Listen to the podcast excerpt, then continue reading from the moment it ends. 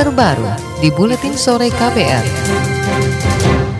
Saudara Serikat Buruh Migran Indonesia SBMI melaporkan kasus dugaan tindak pidana perdagangan orang TPPO dengan modus pernikahan ke polisi. Sekretaris Jenderal SBMI Bobi Anwar Ma'arif mengatakan laporan ditujukan ke Polda Kalimantan Barat dan Polda Jawa Barat lantaran korban berasal dari dua daerah tersebut, yakni 13 orang berasal dari Kalimantan Barat dan 16 dari Jawa Barat. Dia menduga ada jaringan yang mengendalikan praktik ini. Dia berharap kepolisian bisa mengungkap dalang di balik praktik perkawinan antar negara ini. Tanggal 10 Juni yang lalu kita laporan ke Polda, laporan informasi partisipasi masyarakat dalam hal pencegahan dan penanganan trafficking. Tanggal 12-nya ada razia-razia. Yang kita laporkan itu 13 orang. Terus kemudian Polda Kalimantan itu mendapatkan korbannya 60. Nah kalau yang di Jawa Barat, nah itu udah ditangkap tuh sama Polda dan udah diponis 9 tahun. Tapi korbannya baru satu yang bisa dipulangin. Sekretaris Jenderal SBMI Bobi Anwar Ma'arif menambahkan saat ini SBMI berkoordinasi dengan Kedutaan Besar Republik Indonesia KBRI untuk membantu WNI yang menjadi korban. Sementara itu salah satu anggota keluarga korban Anita berharap keluarga korban bisa segera dipulangkan kembali ke Indonesia. Kontak terakhir antara keluarga dan korban terjadi pada tanggal 17 Juni lalu. Menurut adik korban, hubungan dengan korban hanya bisa melalui aplikasi pesan WhatsApp, Facebook Messenger, dan WeChat. Salah seorang korban yang sudah pulang ke Indonesia, MN, mengaku dijanjikan akan menikah dengan orang kaya asal Hainan dan Beijing di Tiongkok. Korban berusia 23 tahun berangkat pada September 2018 dengan iming-iming perbaikan kehidupan ekonomi. Namun selama di Tiongkok ia dipekerjakan oleh suami dan mendapat penyiksaan fisik. Katanya upah hasil ia bekerja pun dikuasai oleh suami. Pemerintah ya dilakukan penanganan lah gitu sama kasus kayak gini jangan sampai ada korban banyak berjatuhan lagi gitu kan kasihan. Oh dari saya berangkat orang tua saya sih nggak tahu. Nggak tahu. Uh, saya memakai mama palsu gitu, untuk jadi pengganti mama saya. Gitu.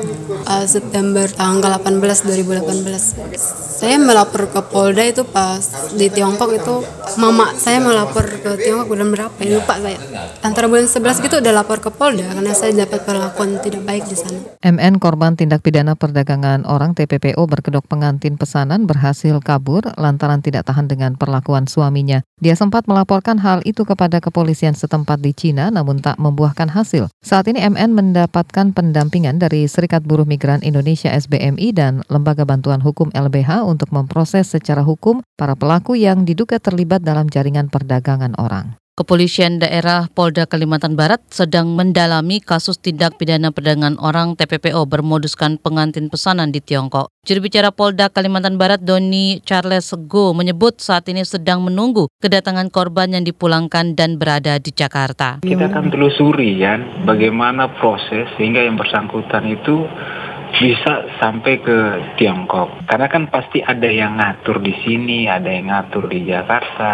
Nah itu yang nanti kita coba mengungkap siapa yang berperan di masing-masing proses ini. Juru bicara Polda Kalimantan Barat Doni Charles Go menjelaskan polisi memerlukan keterangan dari orang yang bersangkutan secara langsung untuk menelusuri kasus ini. Namun beberapa waktu lalu polisi sudah menetapkan satu orang tersangka yang ditangkap di kompleks perumahan Surya Perdana Kalimantan Barat. Saat itu polisi menangkap 10 orang yang diduga terlibat kasus TPPO. Tujuh di antaranya berkewarganegaraan asing. Namun Polda Kalimantan Barat belum bisa memastikan apakah tersangka ini berkaitan dengan laporan kasus TPPO dari SBMI atau tidak. Saudara, sementara itu Kementerian Luar Negeri Kemenlu belum menentukan langkah selanjutnya yang akan diambil pasca terungkapnya kasus ini. Direktorat Hak Asasi Manusia dan Kemanusiaan Ahsanul Habib akan membahas terlebih dahulu tindakan yang akan diambil di internal kementerian. Ahsanul enggan menjelaskan lebih lanjut mengenai kasus dugaan perdagangan orang sebelum mengetahui detail, namun ia memastikan Direktorat Perlindungan WNI dan BHI yang akan menanganinya. Nah, ini saya saya lagi uh, coba koordinasi dengan uh, teman-teman di kantor gitu. Uh, apa yang berikutnya kita lakukan. Tapi yang yang saya tahu sih polisi sudah mulai uh, ini bekerja juga ya, polisi Indonesia yang. Salah satunya memang mereka ya benar-benar menjadi korban itu yang, yang saya baca itu korban TPPO jangan ada sindikatnya segala macam. Terus ya, ya tentunya ya, ya karena ini menjadi masalah kan yang dipersoalkan kan tindakan yang tidak manusiawi dan pelanggaran hak mereka. Itu tadi Direktorat Hak Asasi Manusia dan Kemanusiaan Kementerian Luar Negeri Ahsanul Habib. Sebelumnya 29 perempuan menjadi korban tindak pidana perdagangan orang TPPU bermoduskan pengantin pesanan sepanjang 2016 hingga 2019. Korban dijanjikan akan menikah dengan orang kaya asal Hainan dan Beijing di Tiongkok. Data Serikat Buruh Migran Indonesia SBMI menyebut dari 29 WNI itu 13 orang berasal dari Kalbar dan 16 orang dari Jawa Barat. Sejenak saudara kita berolahraga bersama Sindu Darmawan. KPR Sport. Sekretaris Jenderal Persatuan Sepak Bola Seluruh Indonesia PSSI Ratu Tisa Destria terpilih menjadi salah satu wakil presiden Federasi Sepak Bola Asia Tenggara AFF. Situs resmi PSSI menyebut Ratu Tisa terpilih menjadi salah satu wakil presiden AFF dalam Kongres Luar Biasa KLB di Laos Sabtu kemarin. Hal ini membuat Ratu Tisa membuat sejarah di pentas sepak bola Asia Tenggara. Hal ini membuat Ratu Tisa menorehkan sejarah di pentas sepak bola Asia Tenggara. Perempuan 33 tahun itu menjadi wakil ketua wanita pertama di jajaran petinggi AFF. KPR Sport. MotoGP Belanda 2019 di sirkuit Essen dijadwalkan berlangsung akhir pekan ini mulai Jumat hingga Minggu mendatang. MotoGP Belanda digelar dua pekan setelah balapan kontroversial di Catalunya. Pada balapan yang dimenangi Mark Marquez tersebut, pebalap Repsol Honda Jorge Lorenzo membuat tiga rival Marquez, Andrea Dovizioso, Maverick Vinales, dan Valentino Rossi terjatuh di lap kedua. Hasil di Catalunya membuat Marquez memasuki balapan MotoGP Belanda dengan keunggulan 37 poin atas Dovizioso di puncak klasemen sementara musim ini.